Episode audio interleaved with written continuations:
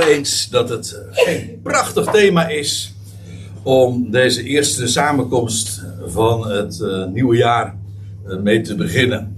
De hoop van het evangelie. Of andere vertalingen zeggen min of meer terecht de verwachting van het evangelie. En deze term die is direct ontleend aan de Colossensebrief en daar gaan we straks ook naartoe. De hoop van het evangelie, ik zei daar zojuist over dat deze term is ontleend aan de Colossenbrief waar we er straks naartoe gaan. Colossense 1 vers 23 om precies te zijn. En uh, laat ik eerst eventjes, de vorige keer deed ik dat trouwens ook al, um, zonder daar nou een vaste gewoonte van te maken, maar ik wilde toch eventjes aan de actualiteit uh, iets vastkoppelen. En dat is dat uh, ik van de week een bericht doorkreeg. in de krant las ik daarover. misschien is het u ook niet ontgaan dat Sieren, een, die altijd van die mooie affiches overal in het land ophangt. met mooie leuzes en allerlei dingen, idealen daarin propageert en voorstaat.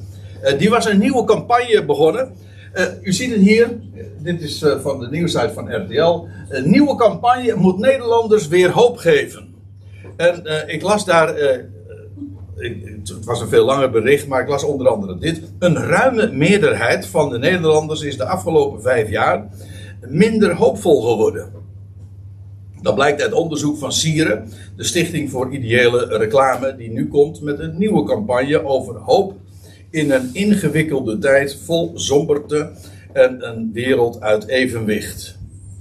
Maar wat is hoop precies? Nou, precies daar zijn wij nu ook uh, voor bij elkaar gekomen.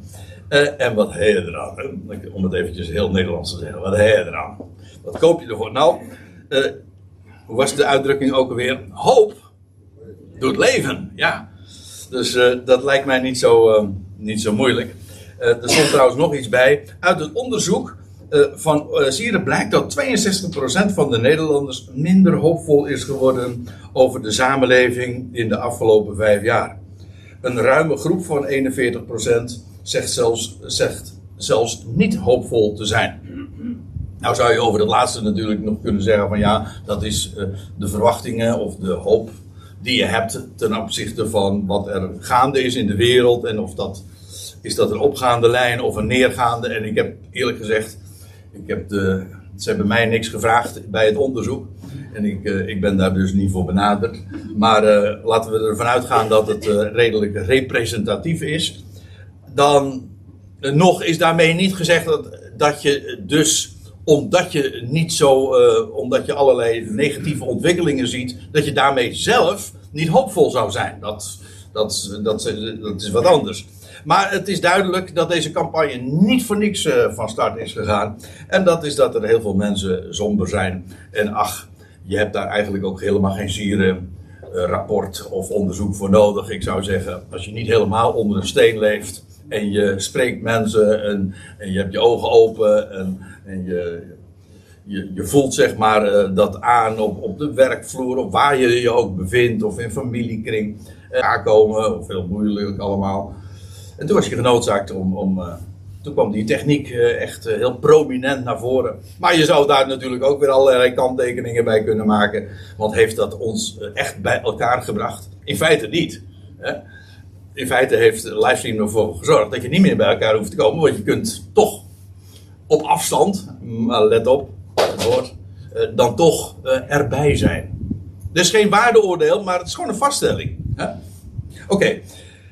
Um, ja, dat is dus uh, de, de, de achtergrond. Eigenlijk heeft het ook iets, iets tragisch. Als je, het, niet alleen de aanleiding, maar ook hoe het nu dan ook vervolgens naar voren gebracht wordt. Dit zijn de posters, ik heb ze nog niet zelf gezien, maar dit is een poster die je dan uh, waarschijnlijk de komende tijd veel op allerlei zuilen en dergelijke zult aantreffen. Uh, vind je lichtpuntje en durf te hopen. Maar het heeft, eh, ik heb het, eh, de rest van dat artikel ook gelezen. Eh, het is dan toch vooral allemaal optimisme. Het is allemaal eigenlijk somber, maar wees dan toch in ieder geval, kijk, probeer nog een lichtpuntje te zien. Maar alleen al die manier, die benadering, geeft eigenlijk aan dat het allemaal, ja, het, het moet uit jezelf komen. Jij moet een lichtpuntje zien of jij moet optimistisch wezen. Maar echte hoop, verwachting, dingen die, waarvan je, waar we werkelijk met reden naar kunnen uitzien, ja, die, die kan Sierde ook niet leven. dat is de grote tragiek eigenlijk van, van zoiets. En dan kun je natuurlijk wel zeggen van kom op en uh, uh, recht je rug en oh, hef je hoofd op. Ja, ik wil graag mijn hoofd opheffen, maar dan moet er wel een reden zijn. En nou, wat ik vanmorgen gaan doen, het zal u niet verbazen, is wat ik, dat ik wil, uh, graag naar voren wil brengen. Er is een solide reden om met een opgeheven hoofd in het leven te staan en vol verwachting, ja ja, en dan hoeft het niet eens begin december te wezen, vol verwachting uit te zien naar wat gaat komen. Ja, waarom? Ja, we kennen een God. Wat zeg ik? We kennen één God. De God. Die alles in handen heeft. En daarom vond ik het ook zo mooi om met het lied te beginnen waar we, waar we mee begonnen. God is getrouw. En zijn plannen falen niet. En, en, zijn heerschappij om van de loop der eeuwen een sterke hand die nooit heeft misgetast. Ja, uh, als je dat kent, dan, dan sta je echt op een rots hoor. En, en wat de, de bewegingen dan allemaal mogen zijn in de maatschappij. En uh, alle ellende die op je afkomt. Maar misschien ook de moeite die je in, in privékring hebt. Dit is een vaste zekerheid waar je altijd op kunt staan. Heeft. Nou, daar. Uh, daar wil ik graag dus wat meer over zeggen. Er was trouwens nog iets. Dit heb ik er vanmorgen nog even tussen geplakt. Waarom? Ik, nou, ik. Toen ik vanmorgen opstond, toen bladerde ik nog eventjes door het nieuws. En toen zag ik dit in de Telegraaf staan. Dit stond als hoofdartikel er nu ingeplaatst. En ik dacht, ik dacht van nou, dat is, als we dan toch met nieuws bezig zijn, is misschien wel aardig om ook dit nog even te lezen. En dat ging dan over kunstmatige intelligentie zou wel eens aan de wieg kunnen staan van menselijke superwezens. Grijpen computers straks naar de macht? Ik, ik, ik, zal, nog, e-, ik zal het even voorlezen. Uh, leven als een jonge god zonder pijn, kanker, dementie, dementie of, of zelfs dood. Het komt allemaal binnen handbereik dankzij techniek en kunstmatige intelligentie. Gelooft een groep techneuten die zich transhumanisten noemen. Volgende week houden ze een congres in Utrecht. Uh, ook techmiljardairs zoals Elon Musk en Jeff Bezos zijn fan. Dromen ze van de hemel of koersen ze af op de hel? En er stond er nog, nog iets bij, laat ik die dan ook nog eventjes pakken. De, vooral deze zin. Als we in het paradijs willen leven, zullen we het zelf moeten ontwerpen. Als we het eeuwige leven willen, dan moeten we onze door, uh, onze door programmeerfouten geteisterde genetische code herschrijven en goddelijk worden. Dat zijn de woorden van David Pierce, nou ja, wereldwijd bekend op dit gebied. Uh, u voelt wel hoe dit helemaal aansluit op wat, waar we het eerder over hadden, over dat bericht. Uh, die, dat transhumanisme. Maar vooral, ik werd getriggerd met name door dat wat, wat ik hier rood omlijnd heb. Als we het paradijs willen, dan zullen we het zelf moeten ontwerpen. Als we het eeuwige leven willen, moeten we door onze, uh, we moeten het zelf allemaal dan gaan realiseren. Hoe triest. Afgezien nog van het feit dat dit, precies zoals in dat uh, al eerder stond vermeld, dat ja, koersen we af op een, op een hemel? Of is het eigenlijk zo dystopisch dat de mens gewoon gerobotiseerd wordt? Nou ja, dat. Maar waaraan is. Uh, dat is dus eigenlijk de vraag. Hoeveel reden hebben we om hoopvol te zijn? Nou, uh, genoeg nieuws. Laten we naar de schrift toe gaan. En in ieder geval, dat zal u niet ontgaan zijn nu. En, en dat, ja, dat, dat is zo evident. Het onderwerp is, het raakt ons allemaal. Hoe, hoe sta je in het leven? Hoe sta je in het leven? is dat met hoop, met verwachting. Oftewel, leef je echt, als, als het waar is waar, we het over hadden, hè, hoop doet leven. Dan is het dus de vraag, leven we echt of hebben, leven we niet? En daaraan gekoppeld is dus de vraag, hebben we hoop, verwachting of niet? Ja, nou, uh, ik, wat ik ga doen, ik zei het al, we gaan naar de Colossense brief en eventjes uh, om het uh, goed even op een rijtje te zetten. Deze brief is door Paulus geschreven, ooit vanuit Rome. Tijdens zijn tweejarige gevangenschap, dat moet zo rond 60, 62 geweest zijn van onze jaartelling. En daar lees je over aan het einde van het boek Handelingen 28 dus.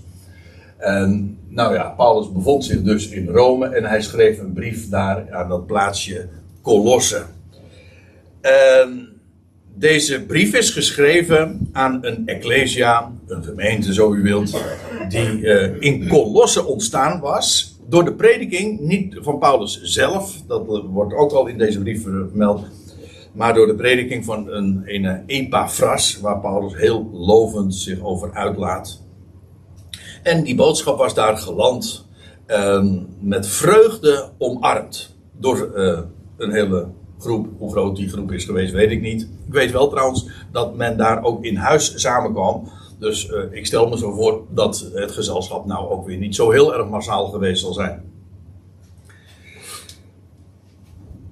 Oké, nou, dat is even wat de brief betreft. In, in deze brief laat uh, Paulus heel uitdrukkelijk, juist in de passage die we nu onder ogen hebben, eigenlijk die begint al in vers 15 feitelijk, waarin de, de geweldige glorie van de Israëls Messias uh, wordt bezongen. Ik zeg Israëls Messias, maar ik, moet er eigenlijk ook bij, bij, zeggen: het is de redder van de wereld. En dan haak ik aan bij vers 18.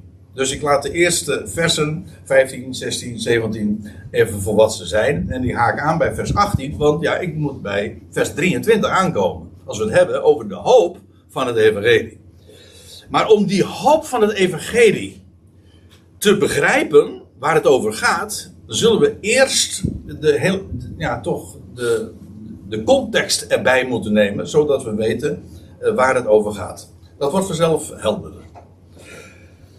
En dan wordt er gezegd, hij, en dan gaat het heel uitdrukkelijk over de zoon van Gods liefde. Zo noemt Paulus hem in, in uh, een paar versen eerder, in vers 13. En hij is het begin. Met hem is alles begonnen. Hij is ook het woord dat vlees geworden is. En waar de hele schepping uit ontstaan is. Uh, en hij is ook de, het begin van een hele nieuwe schepping. En daarom staat er ook bij: eerstgeborene uit de doden. Hij is de eersteling uit de doden die eens voor altijd de dood achter zich liet. En vandaar ook de, de ja, met recht uh, de eersteling uit de doden is. Maar daarmee ook de erfgenaam, want dat is ook wat een eerstgeboren is. En dan staat erbij waarom? Opdat hij onder alles het al uh, de eerste zou worden. Even voor de goede orde, als, uh, het is de MBG-vertaling en als die cursief staat vermeld, dan geef ik aan dat het afwijkt van de MBG-vertaling. Opdat hij onder alles de eerste plaats zou innemen. En nu, uh, het is allemaal gebaseerd op dit feit. En dit is het embleem daarvan, de, de weggerolde steen, 2000 jaar geleden. Toen werd hij opgewekt uit de doden. En dat is het begin van een heel nieuw leven. In feite, heel de verwachting die uh, de Bijbel ons voorhoudt, is begint met en is gebaseerd op dit ene grote historische feit. Uitgebreid gedocumenteerd, dat het Nieuwe Testament doet ook altijd, uh, ja, begint ook altijd met, met de getuigenissen, de documentatie. Het is, het is een werkelijk geschiedkundig feit. Hij is opgestaan uit de doden. De dood is overwonnen. En dat is de garantie dat de dood eens ook volledig teniet gedaan zal zijn. Hij is de eerste. In alles. Oké, okay. want staat er dan in vers 19: Het heeft de ganse volheid behaagt in hem, en dan gaat het dus over de zoon, woning te maken. Die wordt pas later in dit, deze brief toegelicht, want dan gaat het over de volheid van de Godheid. In hoofdstuk 2, vers 9 lees je dat. Dan lees je een soortgelijke formulering. En ja, wat betekent dat? Wel, hij, de opgewekte uit de doden, in hem woont de ganse volheid van de Godheid, heeft, heeft het behaagd om in hem woning te maken. Hij representeert ten volle wie God is. Vandaar ook dat in vers 15 van ditzelfde hoofdstuk gezegd wordt: Hij, de zoon van Gods liefde, is het beeld, het, letter in het Grieks staat er het icoon, het beeld, de representatie van de onzienlijke God. God is ongezien, niemand heeft de Vader ooit gezien, maar Hij is degene die God uitdrukt. Zoals Hebreeën 1 zegt, hij is de afstraling van Gods heerlijkheid en de afdruk van zijn wezen. En in hem woont de ganse volheid eh, van de Godheid lichamelijk. En dan staat er in, eh, en dan vervolgens, vers 20. En nu komen we al op een heel bazaal punt. Omdat dit namelijk straks, dat zal vanzelf blijken, de geweldige hoop van het evangelie is. Dus uh, let op wat hier nu staat. En dan staat er, en door hem, dat wil zeggen, God gaat door hem, via hem. En dan staat er vredemakend, en dat staat in die, waar ik al vaak hier op deze plaats ook heb gewezen, in, een, zo'n zo Griekse tijdsvorm, de aoris, dat wil zeggen zonder horizon. Het feit wordt gesteld, en door hem vredemakend door het bloed van zijn kruis. Ehm, ik zeg dat er even bij, omdat in de MBG-vertaling wordt er gezegd van vrede gemaakt hebbend. En dan wordt uh, de suggestie gewekt alsof die vrede al gerealiseerd is. Maar ja, de basis daarvan is eh, zeker gelegd. Maar God maakt door hem vrede door het bloed van het kruis. En het idee is niet zozeer dat, dat die vrede al ten volle gerealiseerd is. Dat is juist nog niet zo. Maar het feit wordt gesteld dat God dat via hem gaat doen. En er staat er nog iets bij. Door het bloed van het kruis. En dit is, als je daar gewoon heel clean en eh, zeg maar zonder, even naïef tegenaan kijkt. Hè, zonder dat je verder weet waar het over gaat. Dan stel je toch de vraag. Hoezo vredemakend door het bloed van het kruis? Als je als je aan denkt, het bloed van het kruis, dan denk je uiteraard aan ja, dat kruis, die paal van schande die daar ooit buiten de poorten van Jeruzalem stond. En waarin de vijandschap van de wereld bewezen werd. Toch? Als er één daad is geweest waarin de wereld bewees dat ze vijandig stond ten opzichte van hem die God had gegeven, dan is dat wel het kruis dat was niet alleen maar een afwijzing van hem. Nee, het is het, ze hebben hem op de meest afschuwelijke wijze vermoord. Zodat het bloed van het kruis. In feite, als je het zo bekijkt, het bewijs is van de ultieme vijandschap van de wereld. Maar wat hier nu staat, is dat God door hem, of, en door hem en ook door het bloed van het kruis, uh, juist vrede maakt. En de reden is dat weliswaar dat kruis het bewijs is van werelds vijandschap, jawel, maar God maakt het tot middel van vrede. En dat doet hij dwars door het kruis heen dat klinkt wat vreemd als ik het zo zeg, maar ik bedoel, ik bedoel eigenlijk zoals ik het zeg. Uh, opent God een deur. Eigenlijk het woordje, uh, dit Griekse woord dia, waar staat het? Ja, hier. Dia. Uh, ken dat in heel wat woorden nog waarin dat, dat, dat voor, Griekse voorzetsel ook in onze taal is verwerkt. Maar dat is gewoon het woord, ons voorzetsel, door. En die is heel erg leuk, want door, dat is ook Engels en dat betekent dus een deur. Maar waarom? Omdat je, je gaat door een deur, toch? En het voorzetsel door wil gewoon zeggen, uh, ja, je gaat er doorheen of dwars doorheen. En als je dat uh, zo ook heel letterlijk bekijkt, dan wordt gaat zo'n voorzetsel uh, wordt heel concreet.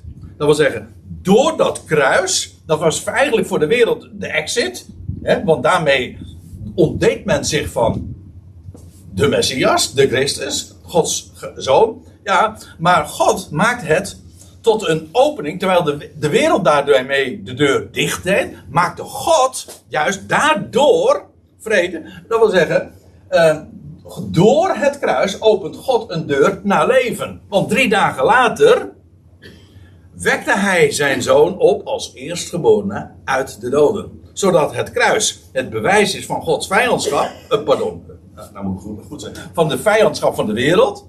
Neem me niet kwalijk. Ja, en God dwars daar doorheen, door die vijandschap heen, opent hij een deur met recht naar leven. En hij geeft die wereld die zijn zoon aan het kruis nagelde, geeft hij juist via die weg het leven. En daardoor maakt hij ook vrede. En ja, het voorbeeld daarvan vind ik altijd het meest sprekende, het, ja, glorieus, is wat je vindt in de geschiedenis van Jozef, die afgewezen werd door zijn broeders, afgewezen werd in de wereld, daar een slaaf werd en in de gevangenis terecht. Ja, maar juist via die weg kon hij het leven geven aan zijn broeders en trouwens aan, aan heel de wereld. En daarom heette hij ook Safnat Pa'aneach, werd hij genoemd, de redder der wereld. En en, en zo maakte hij trouwens ook vrede. Zijn vijandige broers maakte hij juist doordat hij, terwijl ze hem hadden verworpen, hij geeft hen niet min het leven. En zo werd de vijandschap van hen eh, smolt, als het ware, en maakte plaats voor vrede. Zo konden ze niet langer nog vijandig zijn ten opzichte van hem. En God maakt juist door vijandschap vrede. En dat is door het bloed van zijn kruis maakt God juist vrede. De wereld mag hem verwerpen en God zegt, juist door hem ga ik aan jullie het leven geven. En, en zo verzoent hij ook. En dat is de, de, de tweede deel van deze zin. Daar staat er, en het al afdoend met zich te verzoenen. Ja, die moet ik even toelichten, want ik wijk hier wat af van de vertaling die u nu waarschijnlijk voor u hebt, de MBG of de Telos of de Statenvertaling. Um, het al, ja, en er staat afdoend met zich te verzoenen. Um, kijk, in het algemeen, en dat is heel onbekend, verzoenen in de Bijbel betekent, eigenlijk zie je dat hier al, verzoenen betekent vijandschap veranderen in vrede. Ik zeg het is heel onbekend, maar feitelijk is het helemaal niet onbekend. In de wereld is dit zelfs de enige betekenis van het woord verzoenen. Toch? Als, als, als je in de krant leest over van twee partijen die zich met elkaar verzoenen, dan betekent dat gewoon er was vijandschap, er was vervreemding en die twee partijen die eh, maken of sluiten, al of niet echt, vrede. Dat is de betekenis van verzoenen. Wij hebben daar, ik kom er straks misschien nog, nog even op terug. Uh, een, de, een kerkelijke betekenis van verzoenen eh, is dan in de zin van, van beschutten. Maar dat is een heel ander woord. Verzoenen hier, het woord verzoenen betekent letterlijk katalasso. Dat, dat is namelijk een vijand veranderen in een vriend. Dat is verzoenen. En ja, eh, je ziet dat trouwens ook in andere versen. Uh, in Romeinen 5, vers 10. Daar staat: Want als wij toen wij vijanden waren. met God verzoend werden. door de dood van zijn zoon. heb je exact dezelfde gedachte. Vijanden worden verzoend. En als een vijand verzond is, is hij geen vijand meer, maar is hij een vriend geworden, een liefhebber. Dat is wat. Verzoenen is dus maar niet iets administratiefs. Een heleboel mensen denken dat, oh, hier wordt gesproken over verzoening door het bloed. Dat betekent dat God het nu vergeven, dat onze zonden nu vergeven zijn. Ik zal je dit vertellen. Het heeft er eigenlijk niks mee te maken. Zo, is, zo sterk is het zelfs. Verzoenen, als God een vijand verzond, dan is er maar niet, dat, dan is de gedachte niet van, ik, ik, ik schenk jou een soort van pardon, of ik vergeef het jou, of ik zal je niet meer lastigvallen. Of het verleden, daardoor ik, eh, daar, dat, dat, dat, zie ik niet meer. Daarom, nee, het betekent als God verzond, al, dan maakt hij een vijand tot een vriend, tot een liefhebber. Dus het is echt iets, om het even duur te zeggen, een existentiële verandering. Er gebeurt iets met de persoon zelf. Het is maar niet administratief. Ik, zal, ik, ik zet een, eh, een, streep door de rekening. Die is, dat is allemaal goed. Dat is de hele, laten we wel wezen, de traditionele verklaring altijd van, ook van een, vers als deze. Nee, het betekent echt dat mensen worden veranderd. En hier staat, uh, vijanden worden inderdaad vriend. En hier staat, een, Paulus gebruikt hier een woord, en die vind ik heel apart, ik wil het graag opwijzen. Paulus gebruikt hier een woord die in de hele Griekse literatuur niet terug te vinden is. Dat is het woordje apokatalaxai. U zegt van, ja, sorry, ik spreek geen Grieks. Nee, maar kijk het maar eens na. Dit is een heel apart woord vanwege dat voorzetsel wat erbij staat. Apo, en dat wordt dan in onze vertalingen weergegeven met wederverzond. Maar dat is, het is niet weder, alsof, alsof we al een keer eerder verzoend waren of zo. De, de idee is ook niet wederzijds verzond. Weet je wat, wat, wat daar ook over gezegd wordt? Ja, er moet een hoop puin geruimd worden als je, als je zoiets leest. Want uh, men zegt van ja, God heeft zich met de wereld verzoend. Nee, God heeft zich niet met de wereld verzoend. God verzoent de wereld met zich. Hè? Het al met zich te verzoenen. God was geen vijand. God hoefde zich niet te verzoenen met de wereld. Nee, en daarin zit ook de gedachte van dat wederverzoenen in de zin van wederzijds. Uh, dat wil zeggen, God was vijandig, de wereld was vijandig en nu is daar een, uh, uh, de zoon die als het ware de twee bij elkaar brengt. Nee, God zelf verzond de wereld die vijandig is met zich. Het hele idee, kijk het maar na in uw Bijbeltje, nergens lees je dat God zich met de wereld verzond heeft. Het hele idee is eigenlijk dat God vijandig zou zijn.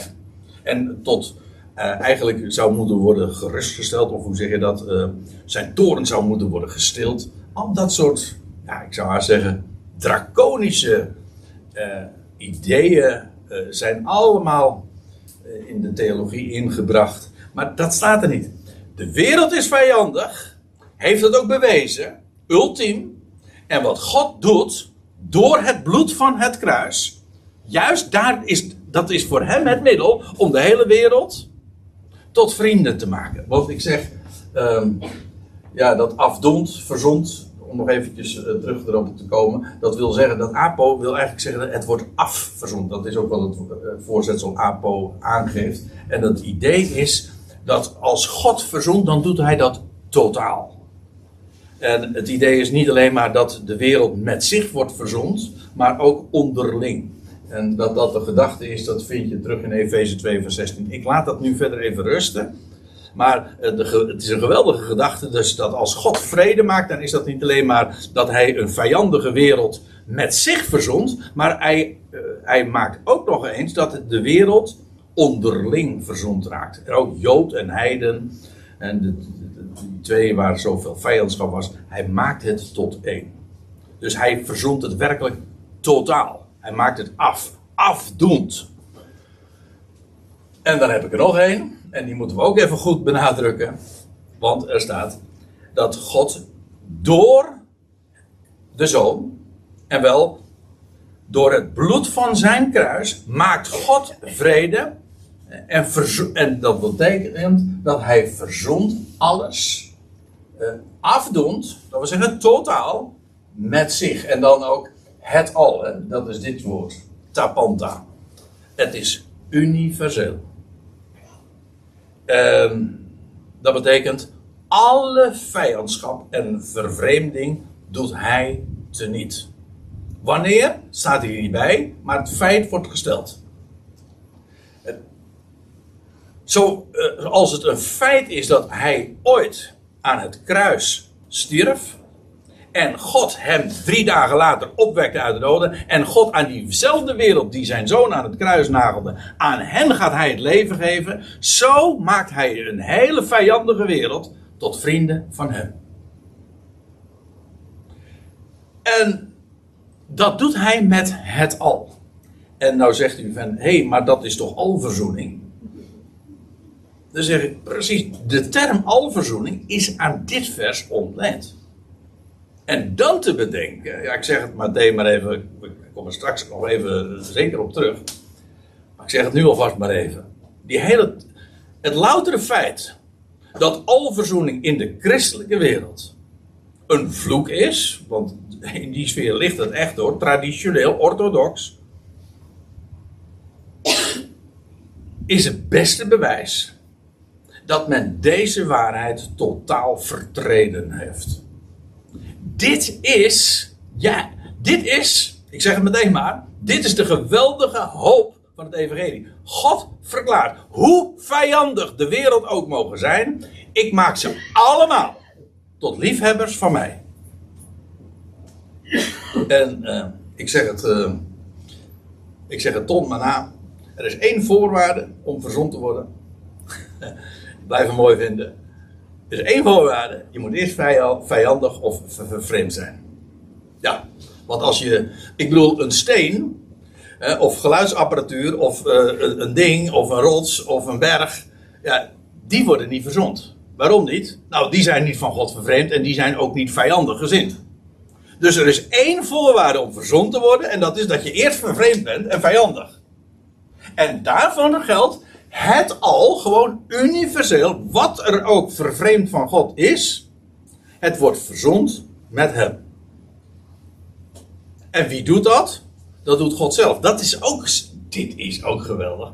Dit is namelijk, het is maar niet zo dat de wereld zich met God verzond. Oh, oh, het is zo mooi. Als je echt op taal gaat letten, gewoon, dit is zo messcherp, zo nauwkeurig, maar ook zo, met recht, het is Colossense brief, kolossaal en universeel uh, opgetekend, dat God door hem, de zoon, vrede maakt door het bloed van zijn kruis, het al, of als u zegt alle dingen. Ik heb een beetje een hekel aan het woord alle dingen, want dingen hoeven niet verzond te worden. Daarom, het is het al. En dat verzoent hij met zich. En wie doet dat dan? Wie is hier de handelende persoon? Dit is eventjes een taallesje. Wie is hier de handelende persoon? Dat is God. Wie is het middel? Dat is zijn zoon. Wat is het middel? Het bloed van zijn kruis. Wie, is het, wie uh, betreft het? Wie gaat het aan? Het al. Oftewel, alle vijanden. Of vervreemden. En die worden door hem met zich verzond. Wie, eh, wordt hier een, een opdracht gegeven aan de wereld? Nee. Dit, dit is een mededeling, lieve mensen. Dit is een bericht.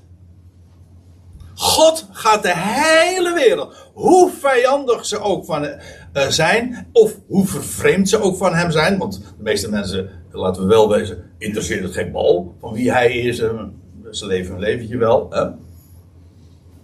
Maar dan ben je van hem vervreemd. God verklaart elke creatuur, wie je ook bent, ik ga vrede maken en ik maak jullie, ik, ik ga jullie tot liefhebbers van mij maken. Zonder kleine lettertjes. Zonder uh, bonnetjes uh, van uh, mitsen en maar. Niets van het al. Dit is het bericht. Dit is de mededeling. En dit is universeel. En dan staat er nou eens nog bij. Door hem. Het wordt benadrukt, hè? Nog een keer. Dat stond er al. Door hem. Maar hier staat opnieuw. Door hem het zij wat op de aarde, het zij wat in de hemelen is. Dat wil zeggen, elke vijand op de aarde, en dan hebben we het toch echt over mensen. Want uh, uw puppy of uw vissen in, de, in het aquarium, die zijn niet vijandig. Hè? Nee. Maar elke vijand, al, het wat op de aarde is, het zij wat in de hemelen is, en die is ook heel indrukwekkend hoor. Dat betekent dus ongeacht welke vijand hier ooit ook op aarde was, maar ze zullen worden verzoend, maar ook al die, wat, ja, we weten daar natuurlijk als mensen heel weinig van. Maar eh, de Bijbel maakt er eh, wel degelijk ook melding van. Dat er achter de schermen van het wereldtoneel overheden en machten en, en, en boodschappers zijn. En alle, allerlei categorieën. Kosmocraten, zegt Efeze 6. De wereldbeheersers van deze duisternis. Al die machten die zich ook vijandig ten opstellen ten, ten opzichte van God. Ongeacht wie en hoeveel. Maar als ze daar zijn. En we weten bijvoorbeeld ook. Dus, ja, God, ik mag dat natuurlijk niet zeggen. Ik kreeg er. Uh, onlangs nog. Uh, ben ik erover bevraagd door. Een, ik heb er een artikeltje op mijn website over gezet. Dan had een dokter Hoek. Nee, dat is niet die zanger uit. Uh, Dr. Hoek met OE dus, hè. Um, die, die had zijn genera dat is een Venen, in Venendaal een theoloog de Reformeerde Bond, als ik me niet vergis.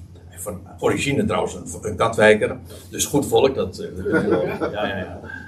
Uh, maar uh, ja, die, had, die was ondervraagd bij het CIP. En toen was, uh, toen was ook de website van het bericht eventjes aangehaald. En ze ja, daarop wordt beweerd dat ja, dat God de redder van de hele wereld is. En toen ik, nou, nou ja, uh, de, ja, ik zou het kunnen gaan bespreken, dat doe ik nu niet. Ik heb er een blogje aan gewijd. Maar zeggen, zou dat dan ook, zou dan ook Satan daarbij betrokken zijn? Nou, ik kan u dit verzekeren. Er komt een moment dat Satan geen Satan meer is. Satan betekent tegenstander. En hij heeft een, meerdere namen. Diabolos, de dooreenwerper. Maar is hij geen dia Diabolos meer hoor. Ik weet er verder niet zoveel van, maar ik, ik weet wel dat zei de Heer Jezus ooit al in de woestijn tegen hem. De Heere uw God zult gij aanbidden. En weet u wat hij deed? Was hij meteen weg. maar dat was namelijk een voorzegging. Hè? Dus niet van, nou, die moet je aanbidden. Je zou het zo kunnen uh, uitleggen, maar dat staat er niet. De Heere, de Heere uw God zul jij aanbidden. Nou, dat wilde hij niet horen natuurlijk, maar dat gaat een keer gebeuren. Ja, eh, in de Filipijnse brief staat dat allen hemelsen, aardsen en onderaardsen hun knieën zullen buigen en eh, elke tong zal beleiden, Jezus is Heer, tot eer van God de Vader. En dan kan dokter Hoek zeggen van, ja, nou ik vind dat wel, hè? Dat, dat kan toch niet? Wat dacht, wat dacht u nou van het, de kracht van het bloed van het kruis? Is universeel in, qua impact. Geen vijand zo groot, of niemand zo vervreemd, of het nou hier op aarde is of daar in de hemel, of van, zoals de Filipijnen zeggen, onder de aarde. Wie dan ook. God gaat elk creatuur met zich verzoenen door het bloed van het kruis. Nou, dat is namelijk Gods bewijs. Het is het wereldsbewijs van hun vijandschap. En het is Gods bewijs van zijn liefde. Want door het kruis, dwars daar doorheen, geeft hij het leven. En zo maakt hij liefhebbers. Vijanden tot liefhebbers. Dat is, dat is wat verzoenen is. Ja, dit is, een, dit is echt, ja, ik noem het maar een kolossale verwachting. Waarom? Omdat, omdat hiervan niemand is uitgesloten. En er wordt niets gevraagd. Het is een bericht. Een goed bericht. En weet u waar, daarom ben ik zo blij. Uh, het hangt namelijk niet van jou of mij af, hè, zoals dat uh, in uh, dat krantenbericht stond. We zullen zelf het paradijs moeten maken. Nou, bergje. Als, als het daarvan afhankelijk is. Vreselijk zeg. En dan, ja, en dan kun je wel zeggen van ja, we moeten een beetje optimistisch zijn. Nou, ik ben niet, als het gaat om het menselijk vermogen, ben ik helemaal niet optimistisch. In de Bijbel ook niet. God weet wat maaksel we zijn en dat we er gewoon niks van bakken. En dat zelfs nog de bedoeling hebben. Dat, is ook nog, dat vind ik ook nog wel mooi. Ja, want God zegt, uh, ik ga het doen. En hij geeft zijn eer niet weg aan een ander. Ik ga het doen. Zodat jullie allemaal je knieën gaan buigen en zeggen, niet wij, u alleen. U alleen gaat het doen. Ja, Maar het geweldige daarvan is, dan kan, dan kan het dus ook niet stuk gaan. Over God denk je altijd te klein. Over de mens, nou, verbeeld je maar niet te veel hoor. En uh, ik lees even verder, vers 21. Ook jullie, die eertijds vervreemd en vijandig gezind waren, blijkens jullie boze werken. Hè? Die kolossers die eh, konden gewoon terugkijken. Ze waren ooit, dienden de afgodenleesje. En, uh, en nu staat er, hij zegt, jullie waren vervreemd en vijandig gezind en jullie zijn nu verzond. Hier bewijs ik opnieuw weer mee wat verzoenen namelijk is. Wie, ver, wie verzond is, is dus niet langer vervreemd en vijandig gezind. Ik vind het wel mooi dat die beide eh, termen worden gebruikt. Vijandig gezind is eigenlijk een, een nog zwaardere vorm. Vijandig is iemand die echt niks van iets een ander moet weten. Iemand die vervreemd is, die kan gewoon ook, nou waar ik het net over had, zijn schouders overal houden, die ander eh, ja, als, als, ik, uh, als, als mensen van elkaar vervreemd zijn, dan halen ze elkaar, halen ze uh, de schouder over elkaar op. En het, het boeit ze niet. Het de ander, uh, men heeft geen interesse in de ander. Dat, dan ben je echt van elkaar vervreemd. Vijandschap, dat, is, dat is nog echt een bepaald extreem of een sterk gevoel. Vervreemding is juist, er is geen gevoel meer. Nou, Beide termen, zowel vervreemding als vijandige gezindheid, beide termen geven precies aan wat er in de wereld speelt. Er is een hele categorie die echt vijandig is en die God van alles verwijt. En je hebt een hele grote categorie die, ja, die van God vervreemd is. Hij is een vreemde, voor zover ze hem al kennen of erkennen. Maar Paulus zegt van, ook jullie die eertijds vervreemd en vijandig gezind waren, ja, en dat bewezen jullie in, in, jullie werken. Boos, ja. Die heeft hij thans afdoend verzond. Ja. Let op, uh, dat woordje thans. Ik heb het hier expres eventjes uh, wat, wat sterker uh, ook weergegeven. Waarom? Omdat daarmee een verschil gemaakt wordt. Dus God gaat het al verzonnen met zich. Is dat gerealiseerd? Nee. Sterker nog, er zijn nog maar enkelingen. Er zijn er ook, en dat zijn de gelovigen, degene die tot wie de boodschap is gekomen en die nu verzond zijn. Die thans verzond zijn. De rest volgt nog. Iedereen. Maar er zijn er die thans al verzond zijn. En dat, in, Paulus zegt, uh, dat zijn jullie. Hij spreekt hier direct tegen die kolossers. En zij hadden het evangelie namelijk van Gods genade in waarheid leren kennen. Zoals het uh, wordt geformuleerd in een paar versen eerder in dit hoofdstuk. Ja. En nu, ze waren vervijandig en verremd. En nu niet langer. En nu zijn ze dus met God verzond. En hoe gebeurde dat? Nou, doordat de mededeling tot hen was gekomen. En ze hebben de genade van God in waarheid aanvaard ontvangen, zo moet ik het zeggen. Het was binnengedrongen. En wiens werk is dat? Ja, heb je het weer? Dat, dat, doet God. Hij, hij, doet, hij, hij, laat het, hij laat het woord klinken. En er zijn er eh, bij wie nu al de ogen en de oren en de harten geopend worden. En dan ben je thans verzond. En dan ben je dus ook een eersteling, want de rest gaat nog volgen. Dus eigenlijk, we zeggen van uh, iedereen die er nu niks van uh, weet, die zijn nog niet gelovig. Je kunt zeggen ze zijn ongelovig, dat is een vaststelling. Maar je kunt ook zeggen ze zijn nog niet gelovig. Want ze gaan komen. Uh, ook jullie die eertijds vervreemd en vijandig gezind waren, blijkens jullie boze werken, heeft hij thans afdond, totaal geheel verzond.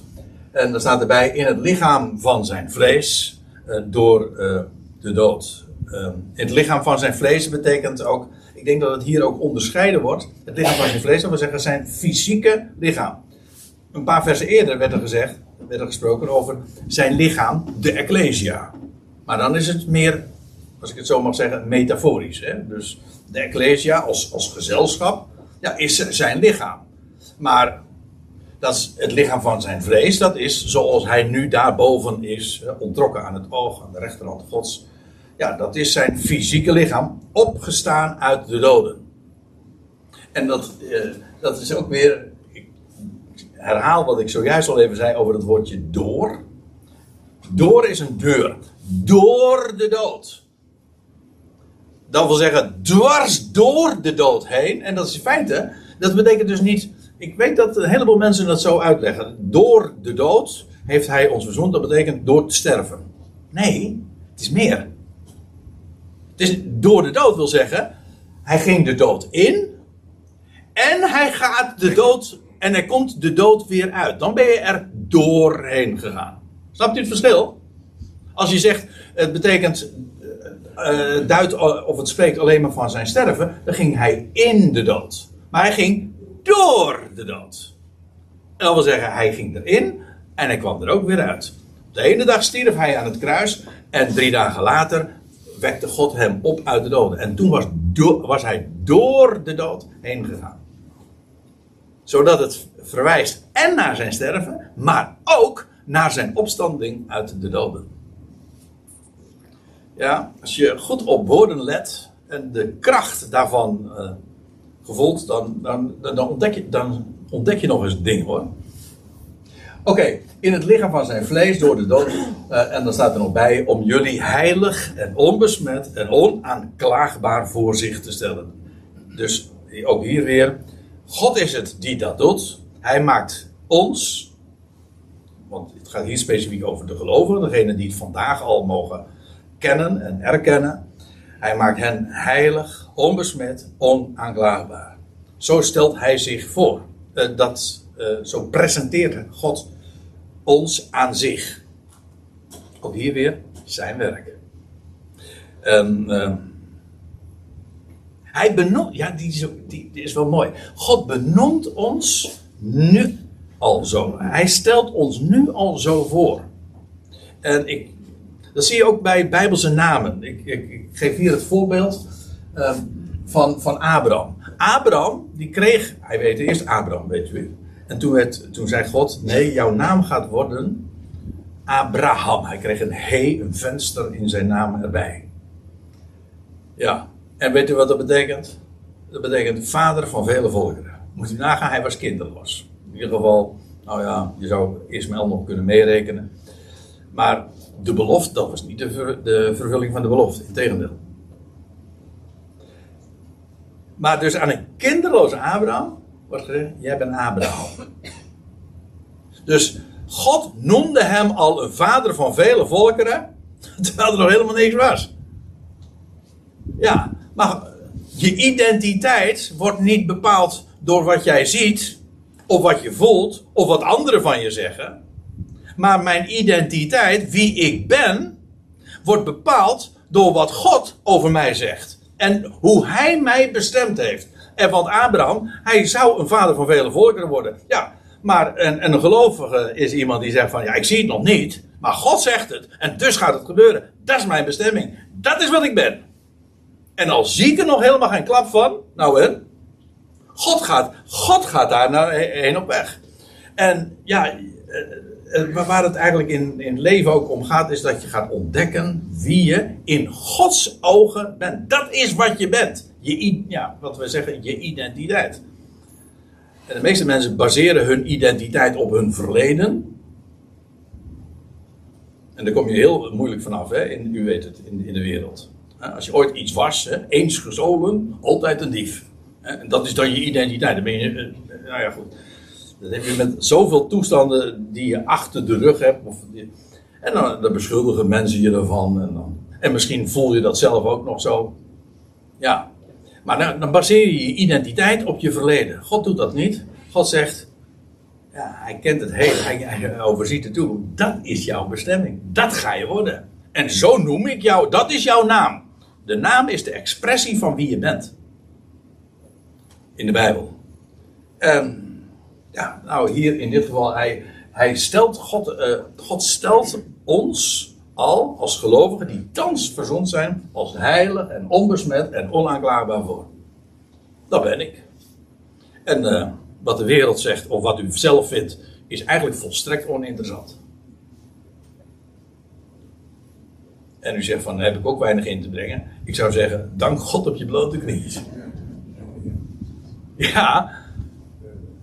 En zo, en het geweldige is, als je eenmaal gaat ontdekken dat, je zo, dat dit, dat je identiteit is.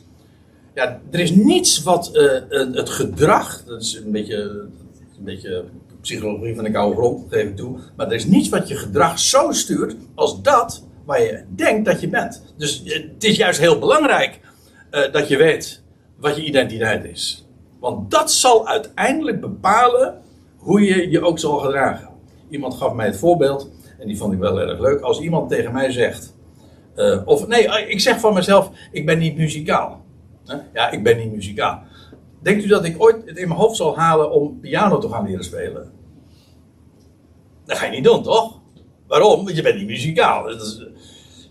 Dus je zal dat ook nog gaan doen. Maar op het moment dat je denkt, nee, ik, ik, je gelooft dat je inderdaad muzikaal bent, dan zul je inderdaad daar ook geen enkele moeite mee hebben. Ik bedoel dit te zeggen. Uh, het is sturend ook voor de wijze waarop je kijkt en ook daarmee je beleving en je gedrag. Nou ja, even terzijde. Maar laten we verder gaan. Om jullie heilig en onbesmet en onaanklaarbaar voor te stellen, aangezien jullie welgegrond en standvastig blijven in het geloof. Um, in de MBG, in de Statenvertaling, dan wordt het wat voorwaardelijk neergezet. Uh, indien gij slechts maar, of indien gij maar uh, welgegrond. Maar uh, dat woordje indien, dat is hier niet voorwaardelijk, maar het, het stelt een uitgangspunt vast. Er staat hier een paar hoofdstukken later, in hoofdstuk 3, vers 1, er staat er: Indien gij dan met Christus zijt opgewekt. Dat betekent niet van ja, als jullie met Christus. Nee, ervan uitgaande dat jullie met Christus zijn opgewekt.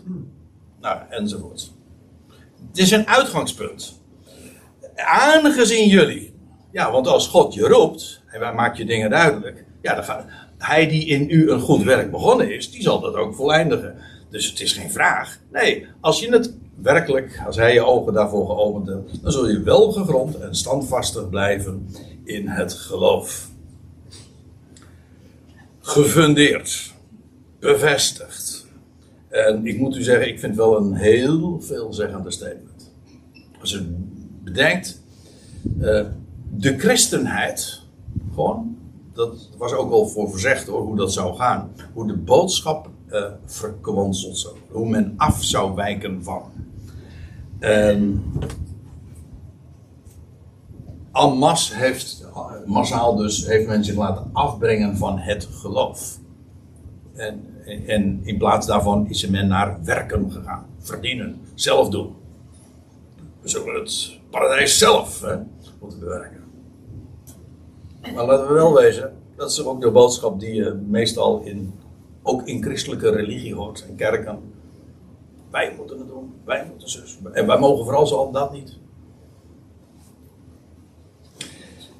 Waar een gelovig is iemand die het evangelie kent en daarin standvastig, welgegrond en gefundeerd is. Dat is ook wat hij dan doet in dat geloof.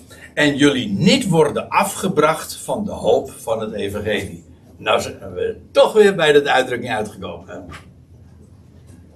Ja, de, de, wereld mag dan, of in ieder geval dat wat de christenheid heet, mag dan heel massaal zijn afgeweken van uh, de hoop van het evangelie. Paulus zegt, als je werkelijk het evangelie kent, dan zul je daarin gefundeerd en bevestigd worden.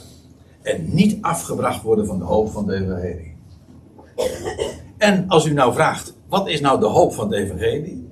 Nou, dat is de verwachting die het goede bericht met zich meebrengt. En wat is dat?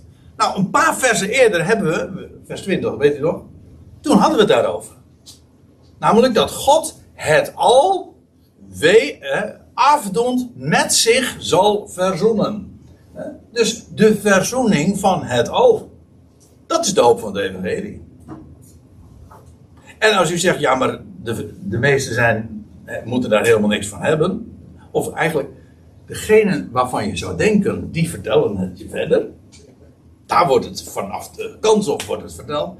Dat, er is geen plek. Ja, ik geef toe, Het is niet aardig wat ik nu zeg. Maar de plek waar, waarvan je zou zeggen, daar zou het moeten worden verteld. Er is geen plaats waar men zo vijandig staat ten opzichte van deze boodschap, de hoop van de evangelie. Is dat een beschuldiging? Nee, ik zou zeggen, dat is een vaststelling. En als u het niet geloven wil, dan moet u eens een keertje willekeurig in de kerk gaan en zeggen van, ik geloof dat God het al verzoent. En dan eens kijken wat de reactie van de mens is. Ik denk dat als u tegen uw buurman zegt van, nou, uh, gefeliciteerd. En, en die vervreemd, dus haalt hij zijn schouders over, over op. Als u, als, u het, als u het mag uitleggen, dan zal hij er misschien heel erg blij van worden. Want dan, dan zal hij zeggen van, nou, oh, dat is me nooit verteld. Ik ben, uh, ben ermee opgegroeid in de kerk, en daar is me dat nooit verteld. Nee. Maar er, die, eh, echt, de, de aanwijzing, ja, die, eh, die vind je juist in de kerk. De verzoening van het al door het bloed van het kruis. Dat is de geweldige hoop, de verwachting van het evangelie. En Paulus zegt, jullie zullen daar dan ook niet van afgebracht worden. Ehm, en dat jullie hebben het gehoord. En, en het, is het wordt geherouwd in de ganse schepping onder de hemel. Trouwens, ik zeg er even bij. In de MBG-vertaling staat dat uh, verkondigd is, is in de ganse schepping onder de hemel. Dat staat er niet. Alsof dat al uh, een gedaan, uh, een gelopen race zou zijn. Alsof het al inmiddels overal gepredikt is. Nee, het wordt verkondigd. Dus het is bezig. Paulus zegt dat jullie, heb, dat jullie hebben het gehoord, ja. Maar het wordt geherouwd, uitgebazuind in de ganse schepping onder de hemel. En ik zeg dat er ook meteen even bij, omdat er zijn er die zeggen van, juist omdat je, ja, als je spreekt over de hoop van het evangelie, de verzoening van het al, dan zeggen nou, daar moet je heel voorzichtig mee zijn hoor. Juist van, omdat ze gemerkt hebben dat, je, dat de meeste christenen er helemaal niks van moeten hebben. Het is hoger onderwijs. Dat, pas als, als mensen er open voor staan, dan, dan kun je ze voorzichtig vertellen. Nee. Het is, de, het, is, het is de verwachting, de hoop van het evangelie. Waarom is het evangelie evangelie? Omdat het zo'n enorme hoop met zich meebrengt. Die onvoorwaardelijk is. En dat is de geweldige kracht. Zonder kleine lettertjes, zonder enige voorwaarden. En ook, het is ook geen aanbod. Van als jij het aanneemt, dan. Nee, het is een mededeling. Ongeacht of je het gelooft of niet. En dat is de enorme power. En Paulus zegt: ik heb het, Hij zegt: Jullie hebben het gehoord van, van Epaphras destijds. Hij zegt: En het wordt nu geherald. De ganse schepping onder de hemel. En. Uh, ja, en Paulus zegt er nog bij, en dat is het laatste wat ik er eh, dan aan over wil zeggen. Hij zegt waarvan ik, Paulus, een dienaar geworden ben. Overal in de hele wereld heeft Paulus deze boodschap van verzoening gebracht. Weet u trouwens dat de, de term, het woord verzoening, ook het werkwoord en, en, en eh, alle varianten, alleen maar in de brieven van Paulus voorkomt. Paulus zegt in Romeinen 11, vers 15, waar ik hier naar verwijs. Ehm, hoe was het ook alweer? Um, dat hun verwerping, gaat het over Israël, is de verzoening der wereld. Juist doordat het volk het heeft, uh, de Messias heeft afgewezen, nu is de boodschap van de verzoening, gaat wereldwijd. Via Paulus. Ja. En uh, hij zegt, ik ben daarvan de dienaar. Het woord verzoening, eventjes voor de goede orde. Als u zegt van ja, maar er staat in 1 Johannes 2 toch van hij is een verzoening voor onze zonde en niet alleen voor de onze, maar voor de hele wereld. Dat is een heel ander woord. Heeft er zelfs niets mee te maken. Dat is een bedekking, een beschutting. Bij een andere gelegenheid hebben we dat wel eens wat, eh, wat, wat, wat, wat beter onder de loep gelegd. Maar ik moet er eventjes in dit geval op wijzen. Paulus is zegt, eh, ik, het is aan mij toevertrouwd. Ik heb het wereldwijd mogen vertellen. Ik doe dat nog steeds. En, en hij heeft het vastgelegd. En nu, in 2024. Fijne vraag. Ja, dat, dat is een. Uh, dat is ook een heel ander woord. Dat heeft ook weer te maken met dat. Uh, wat is het woord? Ik- eh, Hilasterion. Ja, dat is ook weer een woord, dat, dat is het hilasterion. Dat is, heeft hier ook met hilasmos te maken. Het verzoendeksel. Dus eh, ook verzoendag. eh, dat, is, eh, dat heeft allemaal te maken met eh, bedekken, beschutten. Geweldige betekenis. Maar het is, dan, zonden worden beschut, bedekt. Ja, maar vijanden worden verzoend. Dus het, die beschutting, dit woord hilasmos of verzoendeksel, dat heeft te maken met zonden. Die worden bedekt. Het woord verzoening, dat heeft te maken met mensen die vijandig en vervreemd zijn en die worden tot vrienden gemaakt. Dus dat het zijn twee totaal verschillende begrippen. Trouwens, alleen in het Nederlands eh, worden die dingen juist verward. In het Engels heeft daar keurig twee verschillende woorden voor en in Duits ook. In andere talen weet ik niet. Maar in het Nederlands heeft, heeft het grote handicap dat die twee woorden, totaal verschillende begrippen, dat er één woord voor is. En nou ja, dan krijg je een beetje dit soort ingewikkelde toestanden. Dus, maar ik moet er even op wijzen, want anders ga je die dingen verwarren. Paulus zegt, ik ben daarvan de dienaar. En laten we eh, wel wezen, en dat is eh, waar ik dan ook graag mee wil afsluiten. De hoop van het evangelie. Ja, eh, dat is maar geen optimisme. Of dat is niet kop op. Of probeer een lichtpuntje te wezen. Nee, dat is de geweldige verwachting die God absoluut garandeert. En die vast en zeker gerealiseerd gaat worden. Of je nou gelooft of niet. Amen.